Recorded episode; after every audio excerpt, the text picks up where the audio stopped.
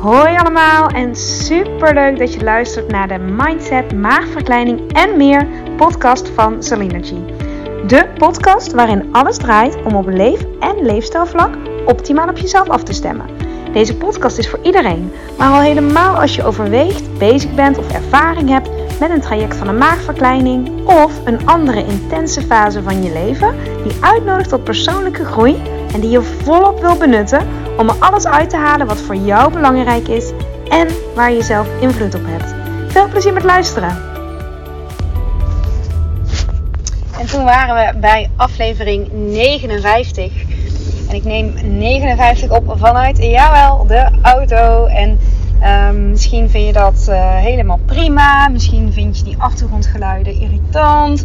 Uh, ik ga altijd maar vanuit wat ik zelf wel niet fijn vind. En mij maakt het nooit zo heel veel uit als ik een podcast luister die in de auto is opgenomen.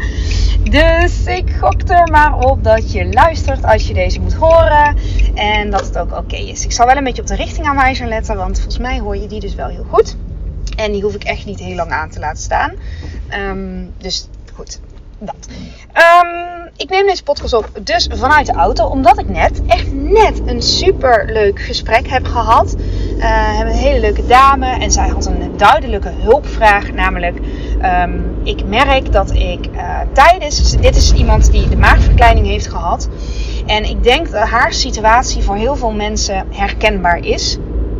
Um, zij, geeft, ja, zij geeft eigenlijk aan tijdens het traject, want ze was nu een paar jaar na de operatie, ze zei tijdens het traject ging alles zo goed en zo makkelijk en zo vanzelf dat ik de sessies wel uh, bijgewoond heb, uh, maar niet volgens mij, volgens mij niet 100% heb laten binnenkomen. Herken je die? Dat je um, even, of je wel of geen uh, traject hebt of hebt gehad van een maagverkleining, maar dat je um, voelt of weet van ik heb daar niet alles uitgehaald op dat moment. Het was niet nodig of ik had eigenlijk niet een juist, ik had, niet een, een hulpvraag. Het ging toch wel makkelijk. En achteraf merk ik van nou, dit was eigenlijk toch wel, um, ja, hier, uh, nu loop ik toch tegen dingen aan. En helemaal niet in de zin van, oh dan had je beter moeten luisteren. Dat, dat bedoel ik zeker niet. Ik bedoel echt mijn punt wat ik hiermee wil maken. En ik, dit is gewoon ontzettend herkenbaar en ontzettend logisch. Dat je dus informatie niet kunt afdwingen. En dit is ook echt het punt wat ik met dieet wil maken. Als je een, een schema volgt, dan kan die met jou wel resoneren. Omdat je op dat moment ook goed gaat op dat ritme of op die eierkoeken of wat dan ook. Maar op het moment dat het niet echt iets is wat, waar, ja, wat helemaal volledig afgestemd is op jouzelf. En heel vaak is dat zo met diëten. Die zijn niet volledig afgestemd op jou. Want die diëten zijn voor iedereen. Of in ieder geval voor degene die ze gemaakt heeft. Op het moment dat dat zo is, dan haal je gewoon niet alles uit jezelf. Dan is ja, zijn er adviezen die je krijgt, de adviezen die, wat een ander doet, of, maar dan zijn ze niet van jou. En ik had daar met haar een gesprek over. En um, ik zei tegen haar: Dit gaat nu, want ze, ze, ze wilde graag nog wat afvallen. Ze was wel al een paar jaar na de operatie. En ze zegt: Ik merk gewoon dat ik hier nog kansen heb. Dat er nog werk voor mij te doen is. Dat ik nog niet, ik heb dus niet alles uit het traject gehaald, zei ze. En ik wil. Um, ja, ik, ik wil het anders. Ik wil het beter. Ik wil optimaliseren. En het ging niet zozeer om die kilo's, hè, maar het ging vooral over: ik voel gewoon dat ik een betere versie van mezelf uh, kan zijn. En ik, ja, ik haal er niet alles uit. En we gingen daar dieper op in. En um, het stukje wat met haar in ieder geval heel erg resoneerde was. Um, ik gebruik, en dat heb je misschien wel eens al gemerkt in deze podcast, ik gebruik niet zo vaak het woord motivatie. Omdat voor mij het woord motivatie, misschien is dat voor jou niet zo, maar voor mij uh, zegt het woord inspiratie veel meer dan het woord motivatie. En ik vertelde dat tegen haar. En zij, uh, zij, zij voelde eigenlijk vooral ook van ja, inderdaad, uh, motivatie zit een soort voelt als een soort druk, als een soort moeten, als een soort um, iets niet van mezelf. En inspiratie, het woord zit het er al in, in, in, in. Inspiratie is iets wat van binnen in zit in jou, wat al in jou zit. Die inspiratie en ook wijsheid zit er al in jou. Uiteindelijk, hè? En dan kan je hem inderdaad kwijt zijn. Dan kan je het even niet meer weten waar je invloed op kan hebben. Ehm, ehm, weet, je, weet je even niet meer wat ook alweer belangrijk was en waarom en het hoe. En dat is heel erg normaal. Dit is heel herkenbaar, heel normaal. Ehm, en heeft dus niks te maken met of je dan wel of niet gemotiveerd bent. Ik denk dat motivatie, zoals we het dan altijd gebruiken, um, ja, een, een, een oppervlakkige benaming is van inspiratie. Hè? Want als je echt geïnspireerd bent, ik ben geïnspireerd om de beste versie van mezelf te zijn. Ik ben geïnspireerd om um, mijn meest gezonde, gelukkige leven te leiden. Ik ben geïnspireerd om een, relaxed persoon, een relaxte moeder, een relaxte vader, noem maar op. Um, een beetje in lijn met de podcast die ik eerder deze week opnam.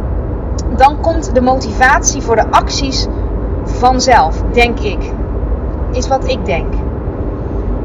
En vanzelf bedoel ik mee niet dat. Kijk, iemand anders gaat het niet voor jou doen. Maar op het moment dat je in die inspiratie kan stappen, wordt het wel makkelijker. En zij benoemde dat ook zo helder. Zij, uh, zij pakte hem zo op. Het was echt een prachtig gesprek. Een heel inspirerend gesprek, denk ik.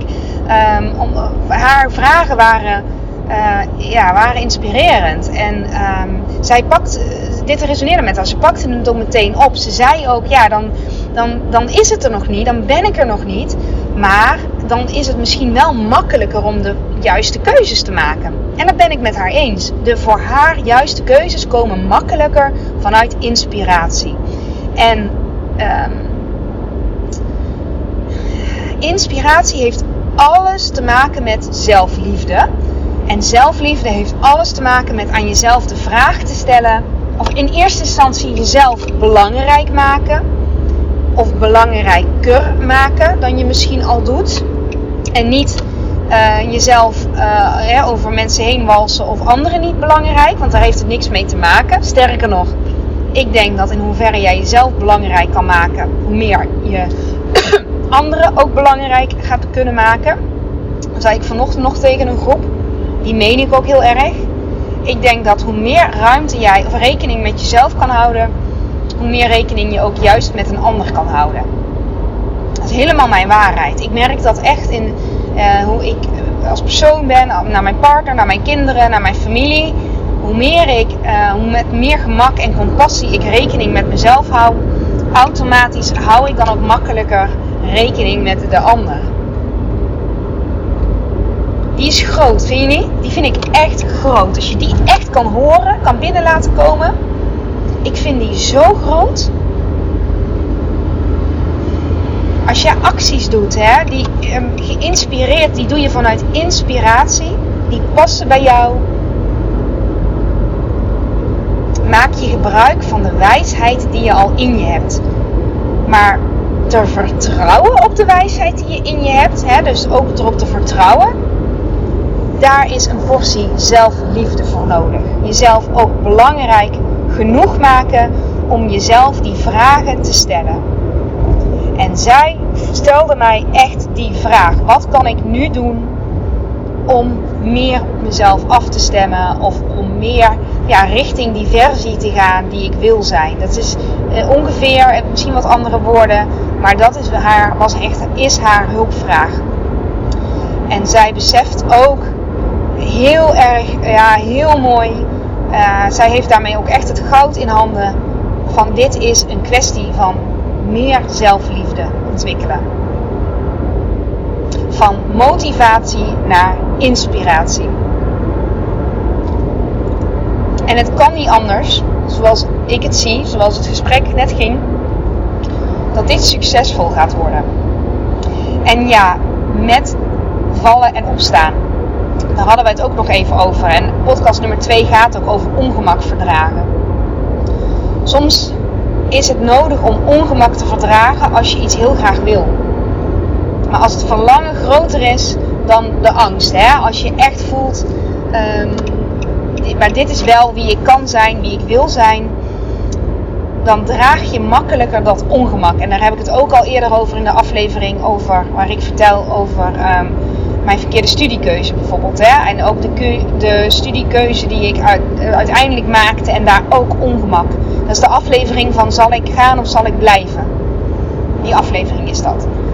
Dat gaat ook over een stukje ongemak verdragen als het in lijn is met wat jij echt belangrijk vindt. En dat is een stukje zelfliefde om daar die vragen jezelf te mogen stellen. En het besef dat dat jou, het vertrouwen, dat dat jou de juiste weg gaat leiden. En um, ik hoefde maar een paar dingen aan haar te vragen. Het echt een kwestie van de juiste vragen stellen over uh, voeding, over beweging, over slaap. Om um, de eerste stap, hè, de eerste concrete stap hierin al um, te zetten. En in, in haar geval was dat, zij zei, ik eet vaak. En ik denk dat veel moeders vooral, misschien ook niet moeders hoor. Nu skeer ik natuurlijk een hele, een hele groep over één kam. Dat is niet mijn bedoeling, maar ik zeg het omdat ik um, dit gewoon heel erg veel hoor. En ik snap het heel erg. Um, ik zou zelf ook echt in die valkuil kunnen stappen. Waren het niet dat ik als, als sowieso heb om te ontbijten met havermoutpap. Nou, dat had zij eigenlijk ook. Maar ze zei, ik verzand heel vaak in gewoon iets makkelijks te nemen. Wat toch voorhanden is en wat me het minst moeite kost. Ja, hoe herkenbaar is die? Hoe herkenbaar is die? Hoe makkelijk dat is? Pas als je heel bewust hebt besloten van neem maar havermoutpap of kwark of wat het ook is. Dat voegt mij veel meer. Daar heb ik veel meer aan. Dus dat is voor mij een sowieso. En misschien is het leuk om de sowieso aflevering te luisteren. Want die brengt je wat verder in hoe, hoe, hoe kun je jouw sowieso's in een dag, hè, de dingen die jij sowieso belangrijk vindt, hoe kun je die uh, op eerst, uh, in eerste instantie al achterhalen en ernaar handelen. En ook die aflevering over ritme is een hele belangrijke hierin. Um, maar op het moment dat je die achterhaald hebt en je steekt er energie in om daar een gewoonte van te maken. Uh, je maakt die switch van iets makkelijks, niet dat havermoutpap niet makkelijk is, maar iets wat toch al ligt naar een, naar een meest voedzaam ontbijt. Hè, wat je ook lekker vindt, waarvan jij, want dat zei ze uit zichzelf, van ik vind dat lekker, ik maak het lekker. En um, ja, het doet me goed. Dus dat is echt iets van haar. Toevallig is het ook iets van mij, want ik uh, ga ook gewoon heel goed op havermoutpap. Misschien heel veel mensen. Uh, maar op het moment dat ze die al kan veranderen, dat legde ik haar ook uit. En dat gaat ook de vorige podcast over, die keer daarvoor. Over die visieuze cirkel bedoel ik. Um, zet je al een hele andere toon van de dag. Dan dat je uh, in de vroege ochtend al iets doet vanuit gemak en onbewustheid en te weinig zelfzorg, te weinig zelfliefde. Zo kun je havermout dus letterlijk koppelen aan zelfliefde. Zo van havermout is zelfliefde. Diep.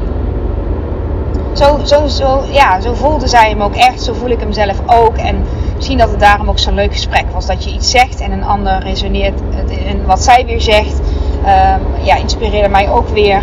Het inspireerde, ik bedacht pas net dat ik hier een podcast, toen ik de auto startte, dacht ik, wat ga ik doen? Dacht ik, wacht, ik ga hier een podcast over opnemen. Um, ja, omdat haar verhaal denk ik voor zoveel mensen kan helpen, inspirerend is. En um, uh, ja, ja, en het je uitnodigt. En het, ja, het je misschien uitdaagt, maar het vooral je uitnodigt om.